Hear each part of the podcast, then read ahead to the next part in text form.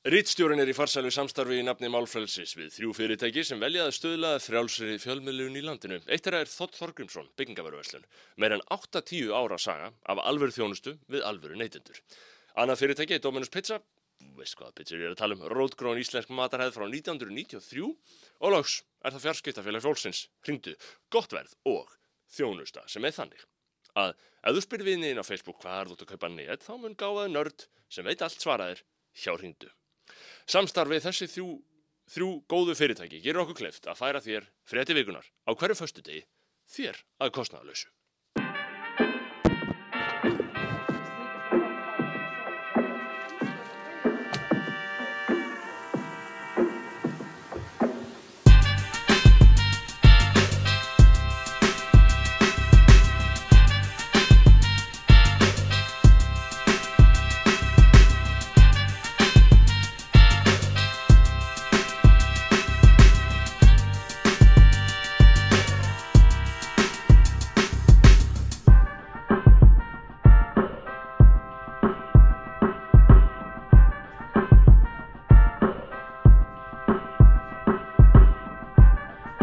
Komið sæl og verið velkomin í fréttir vikunar þann 8. desember 2023.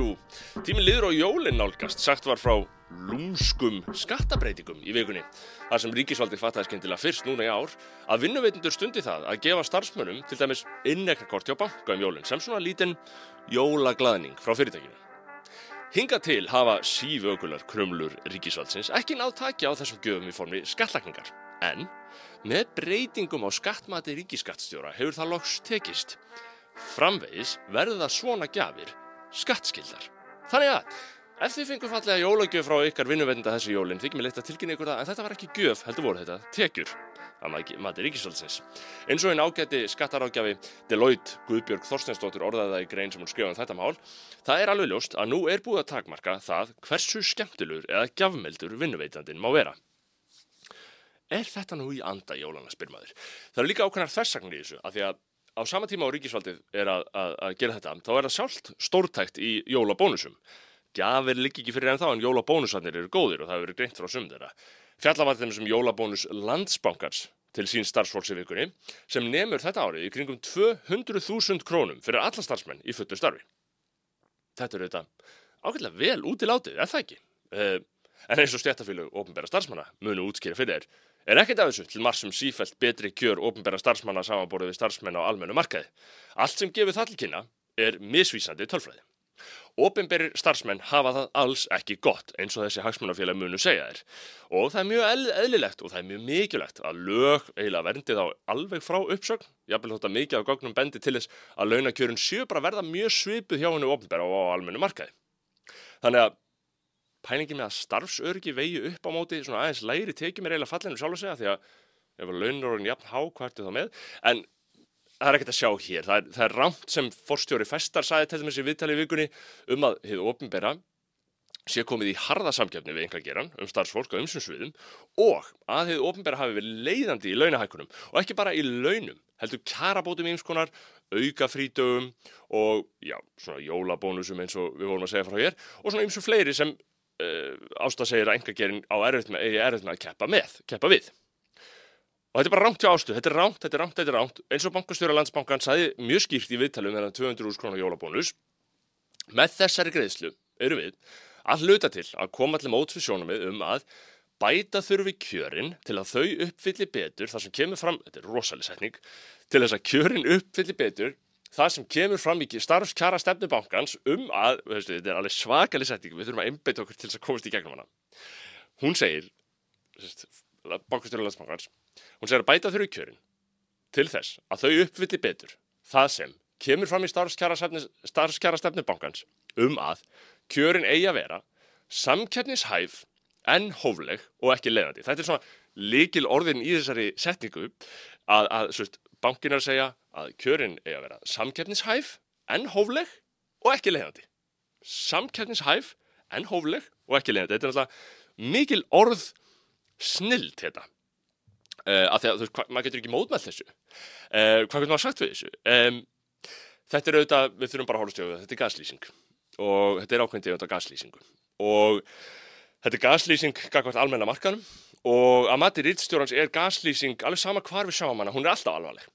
Og ég ætla að lefa mér að vísa í því samhengi í fjölmiðlinn kallmennskuna uh, því að nú fær rittstjóran reglulega kostaðar auðlýsingur, auðlýsingar frá því mikilvæga batteri, batteri á samfélagsmeilum í þessari auðlýsingu hér frá kallmennskunni segir mjög skýrt hrútskýrarar og gaslýsendur eru fyrirstaði jafnbreytis hrútskýrarar og gaslýsendur eru fyrirstaða jafnbreytis hljóma smá eins og þurfa að útrýma þessari fyrirstöðu, sama hvað kostar, en þetta er auðvitað rétt. Hrútskýrar og gaslýsendur eru fyrir stað jafnbrettis og það gildir ekkert síður um jafnbretti á milli ofnbergsmarkaðar og almennamarkaðarins.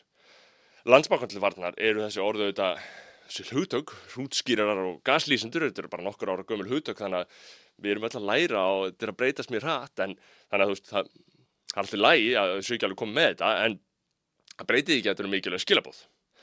Þú verður að passa þig að vera ekki fyrirstaða jafnbreytis. Allra síst þegar kemur að jafnbreytið mitt á milli almenns og ofnbærs vinnumarkaðar. Við erum að fylgjast með þér, alltaf þú að vera fyrirstaða. Þetta er hluta fréttum vikuna, við erum að fara í margt annað hérna í dag. Eh, það var eitt og annað í gangið þetta. Það vakti mikil viðbröð til dæmis þegar niðurstöður písakönnunar á Íslandi voru byrtar á þriðdægin sem síndu að aðeins 60% íslenska grunnskólanema búa yfir grunnhæfni í leskilningi við 15 ára aldrun. 60% íslenska grunnskólanema. Frá 2012 hefur þetta hlutvall hrapað beinlinis úr 79% árið 2012 í 60% núna. Og við þurfum aðtöfa að stúlkunnar hérna hýfa meðaltali upp. 68% þeirra hafa þessa grunnhæfni en aðeins 53% drengja. Það þýðir að annar hver drengur getur ekki lesið sér til gags 15 ára. Nú, þetta er svört skísla og þegar svona svört skísla kemur fram þá reynir fólk að sjá fyrir sér auðvitað hvað veldur. Grundvallar spurningin sem er gagnum gangandi í þessu er auðvitað sko hvort þetta sé skólunum að kenna eða fóröldurum. Um, Ólöf Sigurbjörg Sigurdóttir sem var áður skólastjóri Flataskóla um, er á því að börn þurfi að verja meiri tíma með fullortnum fólki eins og skrifur á Facebook. Skólinn getur gert betur í mörgum þáttum en vandin byrjar strax á fyrstu þúsund dögum barsins þegar það þarf mjög mikla málurfun. Óluf segir að það sé þreytt að niðurstöður písakannana leiði alltaf til þess að fólk segja að kerfið sé að breyðast og að þurfi meiri pening í skólana, munfrekar þurfi fólk að taka til heimahössir fyrst. Og þetta er verðuðu punktur í Ólufi Sigurðardóttur um, sem veitu auðvitað hvað hún syngur eftir áratugastarfi í skólum.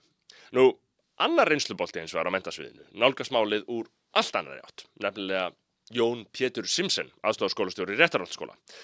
Jón Pétur Simsen segir að stórfurðulegt sé að svona margir reyni að fyrra skólakerfi ábyrða þessum árangri með því að vísa bara málinu til heimilana. Í viðtalið um morgunblæði segi Jón Pétur, þegar við erum að eigða tæplega 200 miljardum króna í skólakerfið, þá er þessi árangur langt frá því að vera bóðlegur. Ég spyr bara, hver ætlar að taka ábyrð á þessum árangri? Skrifar Jón, eða segir Jón, og hann heldur áfram. Ef ekkert fyrirtæki síndi þennan árangur, þá væri einfallega búið að láta alla fara. Þetta er bara ekki bóðlegt að bjóða börnum upp á þetta í tíu ára skildurámi.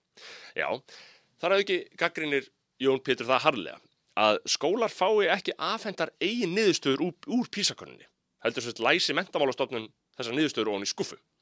Stofnun hefur nefnilega haft hann háttin á í síðustu písakonunum, sem bara ekki gefið skólunum sínar niðurstöður og uppáflega er það að sagt Björns Bjarnarssona fyrir þetta mentamálaráður, uppáflega er þetta fyrirkomulega gert að beðinni skólastjórnunda og kennara. Jón Pétur segir eins og þar að þessar upplýsingar úr písakonunni sem er það, það sem að vandamáli byrtist okkur skýrast að þær geti, geti gagnast skólum mjög vel við að vinna að úrbótum. En nei, það er fólk sem vil fara með árangur einstakar skóla sem ríkislendamál. Heldur ég ventala fram að sjónamegin séu einhvern veginn líka þau að, að skólar er ekki að keppast innbyrðis um árangur, en maður spyrsa á móti, væri kannski bara fínt eða væri að gera það? Gæti verið að smá hilbriður samanbyrður gæti bara verið gaglegur? Staðan er smá orðin þannig núna að bara hvað sem er sem gæti hjálpað eða hvað menn til dáða ætti að vera gert. Sko, Jón Pétur Simsen er svona í hópi kennara og kennslufræðingar sem hafa verið að pöngast aðeins í skólakerfinu á undanfjöldum orðum. Hann hefur gaggrind það harðilega til dæmis þegar svona fræðimenn háskólans og starfsmenn sveitafélag gera hans sögn, mjög lítið úr þessum písaniðstöðum. Það var forunnileg frétt á MBL frá því fyrir þess ári þar sem að Jón Pétur gaggrindi Heiðubjörg Hilmistóttur sem er formaður sambands íslenska sveitafélag og borgarfulltrúi samfélgeirinnar til margara ára ábyrg fyrir skólakerfinu í Reykjavík að hlutir.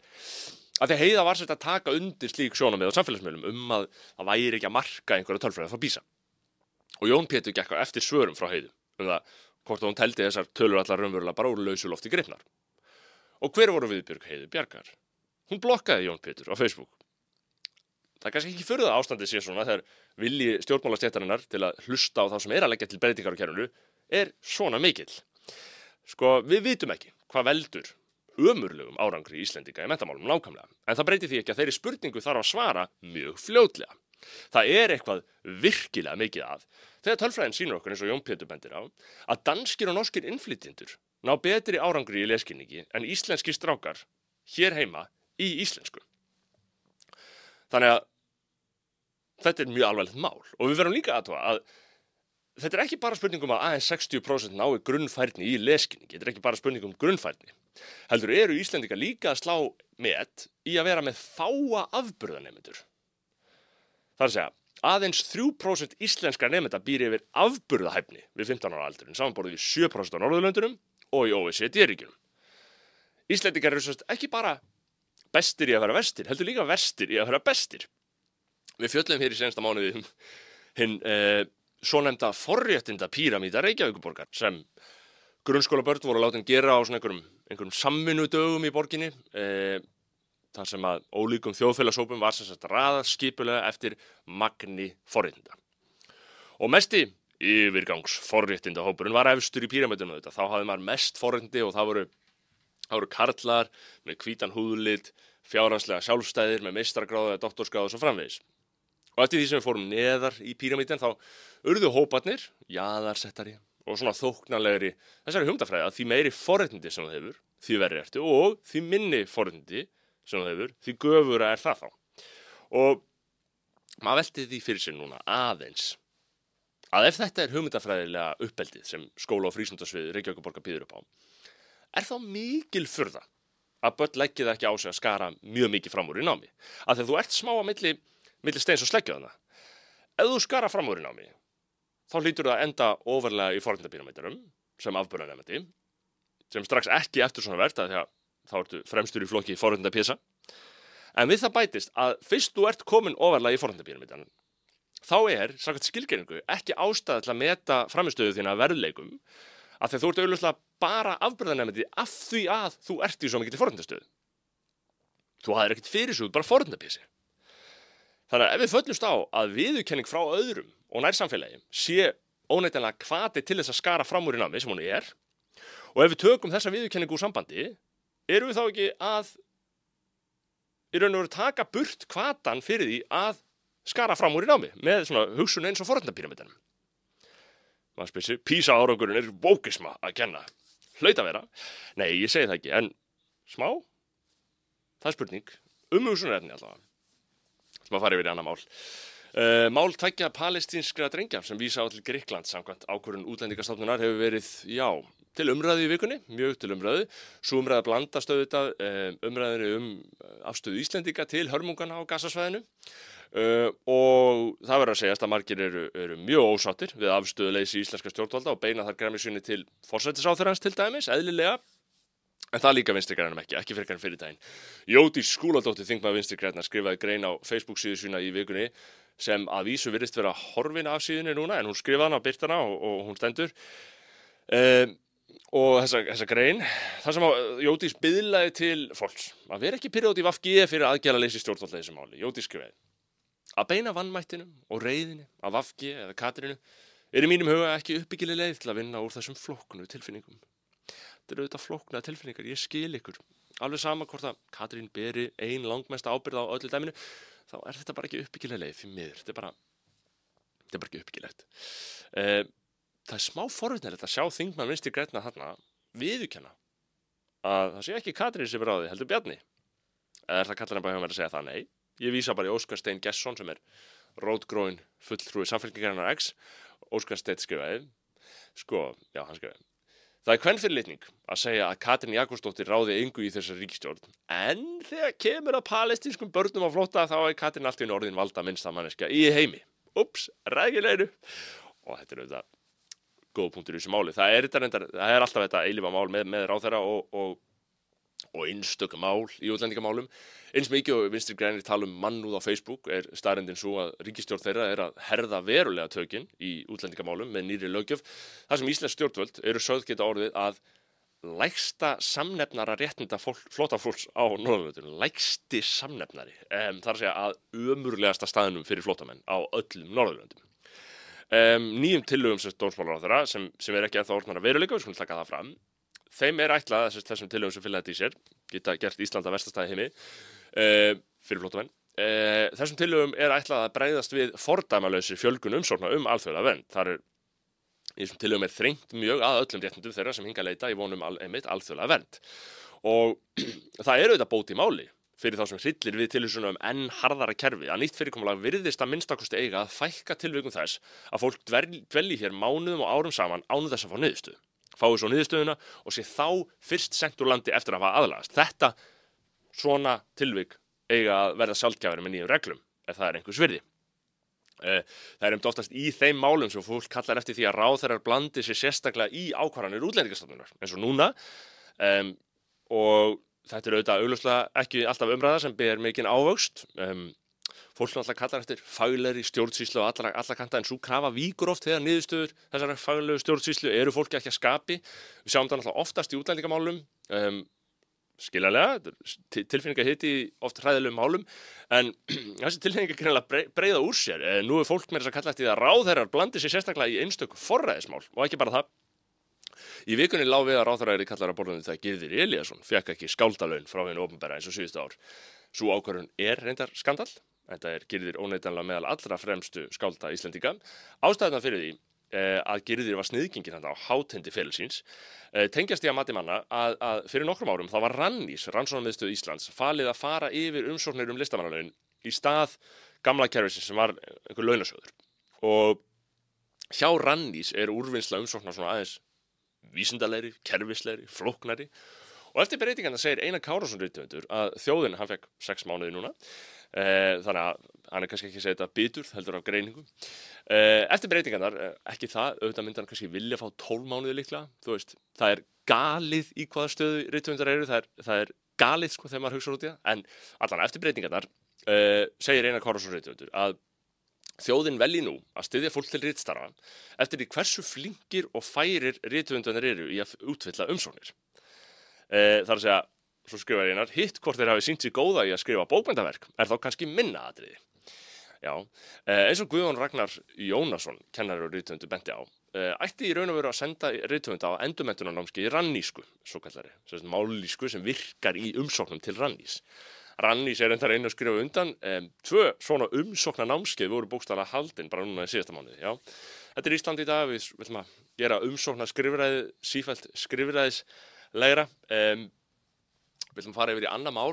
Uh, áhugaverð frétt byrtist í heimildinni nú á dögunum um að sótavatnið klaki sér komið með 25% markas hluteld á íslensku vassmarkaði. Vissuðu það? Framkvæmtastöru fyrirtækisins sem framleiðist klaka er ansið kókraustur í Vitali og fulliriðir að það hafi haft tölverð áhrif á kauphæðun Íslandika að toppur hafi breytt nafninu sinni í Bon Aqua. Þau mjög eftir toppi, nú heitir það Bon Aqua. Og það er ekki oft sem maður fær svona e, tæpi tungulaus umæli frá sest, sölustjóra um samkeppnisæðila við ætlum að hefja tilvutnin í þennan markastjóra eða þennan sölustjóra hjá Klaka. Hann segir, við finnum fyrir því að Íslendingar eru ekki ánæðir með þessa breytingu hérna bara mjög óanæður sem er mjög gott fyrir okkur. Já, þetta er frískandi heiðalegi um, Ölgerinn er einnig spurð álits í þessu viðtali á breytingum Bon Aqua og hún segir einnig að sala á Kristall hafi aukist og svo er loksins ákveðið að velta starfsmanni Coca-Cola upp úr þessu sem selur Bon Aqua áður topp og þar fæst staðfest að salan hefur dalað frá því nafninu var breytt í Bon Aqua. Og þetta er allt saman eru ágæta frettir fyrir þá sem áttu erfitt með þessa nafnbreytingu á sín tíma og töldu hana ekki samræmast góður í þjóðræknin. Verst er að Bon Aqua er eiginlega besta sótavandi en við látum ekki gæði trubla ákvarðanir okkar sem neytendur heldur byggjum við þær auðvitað fyrst og fremst á málvendasjónamiðum eins og hinga til. Næsta frétt að skiptast á skinn og skúrir í sorpirðu Reykjavíkuborgar. Stundum stennst hún, stundum stennst hún ekki, en eitt breytist aldrei og það er að sorpirðu gjaldið hækkar alltaf. Frá með áramótum hækkar sorphyrgjaldi í Reykjavík með að við vinnlegt velnett parhús úr 52.600 krónur í 73.500 krónur sem eru tæpar 2.000 krónur aukarlega á mánuði fyrir velnett heimili. Þessi verðhækkun fylgir að sög morgunblæsins innleiðingu á nýju flokkurakerfi sem við vart farið fram hjá hennum. Það sem að fólk er kvart til þess að flokka úrgang í fjóra flokka. Í skadabætur eigum við að samskiptastjóra sorpu áfram rétt á ókipis brevbókum fyrir matalegar að minnstakosti næstu árin. Við vorum þá reyndar að fólk fari að nálgast á rausnarlegu gjöfins ofinbyrra á þessum pókum uh, og hætti að gera það sem var sagt frá í vikunum til dæmis sem var að fólk er að hamstra þessa póka. Kanski geta yfirvöld sjálfsynum kent því að það er auðvitað að vara samt að bjóða upp á ókipis póka í maturverslunum þar sem allir pókanir er annarkort sökka eða eru dýrir Og rittstjórnin hér reyndar fær smá bakþanga við að sjá þetta mál vegna þess að hún vonar að uh, hún hafi ekki valdið hömsturunni með þessari umföllun hér á sín tíma. Ég myndi segja að ef einhvern bakslæg hefur orðið í umhverfsmálunum þá eru það nýjir pappírspokar sem fást gefins í maturverslunum og ætlaði að vera undir lífrannan úrgang. Mörgum reynast þetta nefnilega litlir handtægir innkaupabokar loksinn sem fást ógibis án þess að þurfa að rölda 5 metra niðurlæður að sækja ömulegan bambuspoka fólk nota þessa póka í staðin. Þetta er bara eitthvað sem ég hef heyrt eins og það. Rítstjórun auðvitað fordæmir mistnótkun þessara póka.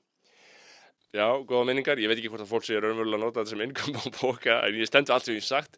Verða að verka, þetta var þarna fyrsti þáttu fyrir þetta vikuna hjá Rítstjórun, konum tí tveir mánuður, tíminn flýgur, gaman að vera með ykkur, alltaf. Anna mál.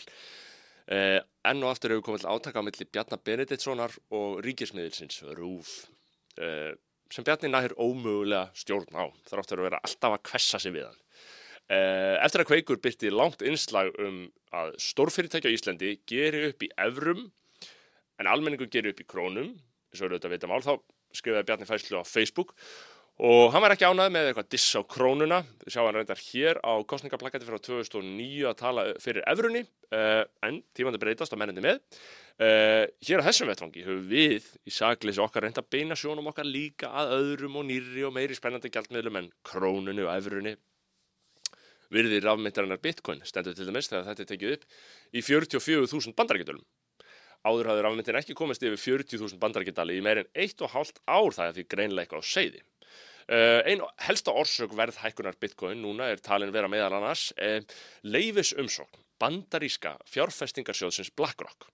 Eins allra stærsta fjárfestingarsjóðs heims ef ekki bara allstærsta sem vill núna fá að stopna kaupallarsjóð í bandarísku kaupallinni þar sem að fjárfest verður beint í bitcoin slíku kaupallarsjóður væri sérst, með rafmittir væri raun og veru bara sambarlegur við það sem þekkist þegar í íslensku kaupallinni þar sem að fullt fjöldi fólks á hlutabrifa sjóðum sem aftur eiga síðan hlutabrif í íslenskum og erlendu fjölum nema þetta væri það í raun og veru þá væri að kaupa sér hlut í eigna rafmittum Og svona kaupallarsjóður eru mjög útbreytt fyrirkomulega fyrir fólk til peningageimslu og fjárfestingar. Um, þeir eru sumum eignaflokkum til dæla nýjir á nálinni. Um, þeir sem eru til þess vongóður um að bandaríska fjármára eftir litið samþyggi umsókn BlackRock um að stopna svona rafmittasjóðu í kaupallinni. Þeir benda á og vísa til þess hvað gerist við gull sem eignaflokk eftir að fyrstu sjóðunir sem áttu gull, uh, fyrstu sérstöku kaupallarsjóðunir sem áttu gull voru skráðir í bandarísku kaupallina árið 2004. Alla götur síðan frá því að þessi sjóðir hófust hefur gullverð bara hækka stöðut í verði. Það er auðvitað ekki víst að það sé eitthvað orsakasamíkja millir að út á sjóðunum það hækka gullið.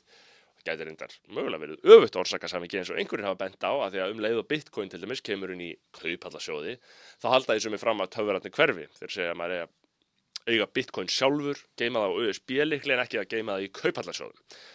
E, bendir á að með svipum hættir sér verðmætinu gulli þau að þú getur ekki geimt það heima og þú getur alltaf stungið af með það í fartækis þú vilt ekki eiga gull í einhverjum sjóði lengst í burtu. Sem við vilja það kannski. Og ólust hver áhrif verða eða hvort þessi sjóði verða samþýttir en Bitcoin er á leiðinu upp, það er, er grunnpunkturinn og, og þar hjálpa líka væntingar markaðarinn sem að bandaríski seglabankin sem mögulega hættur að hækka vexti í byli þá mun fjárfesting leita inn í slíkan áhættu flokk eins og Bitcoin er í auknum mæli núna þegar menn mun á meira millir handana eh, og við það bætist að svona Bitcoin helmingun á sér stað í april 2024 sem sögulega sé hefur alltaf kyrkt upp verða Bitcoin. Þannig að þetta er allt svona að koma í, saman í eina mynd fyrir þá sem eru Bitcoin sinnaðir. Uh, um þetta allt skrifa Guðlugur Steinar Gíslason sem er einn af stofnendum rafmyndarsjóðsins Visku á Íslandi. Uh, hann skrifar það má segja að nýr kapli sé að hefjast í rafmyndaheiminum þar sem fjármálafyrirtæki hafa aukið þáttöku sína umtalsvert á sama tíma og fjárfestingar stofnana fjárfesta hafa aukist til muna. Þetta er áhugaverð þróun. Já. Já, og talandum gull, eh, þá er kílóverið á gulli í hæstu hæðum, hefur aldrei verið eins hátt eh, og sem greiningar aðeins reykja aftur til óvissu með ákveðna þjóðvægjaldmiðla til stríðsreksturs átakamelli heimsvelda. Virðist vera góðu tími til að grafa gull í garðinum. Eh, nei, nei, skulum reyna að taka hugsanur um hugsanlega yfirvofandi heimstyröld ekki með okkur inn í helgina. Það er ekki sjálf uppbyggilegt að vera með huga með það með að maður sinnir heimilisverkunum, grillar. Nýtu samvista með bærilegsta fólki sem að þekkir. Ég minni hérna í lokin á samstagsæðala þessa fréttaþáttar. Þótt Þorgrimsson, Dominos og fjarskiptafélagi ringdu. Ég nefni líka kjörorð þessa fréttaþáttar. Ást á ættjörðu, ást á sannleika. Við sjáumst hér á sama tíma í næstu viku. Guð bless ykkur.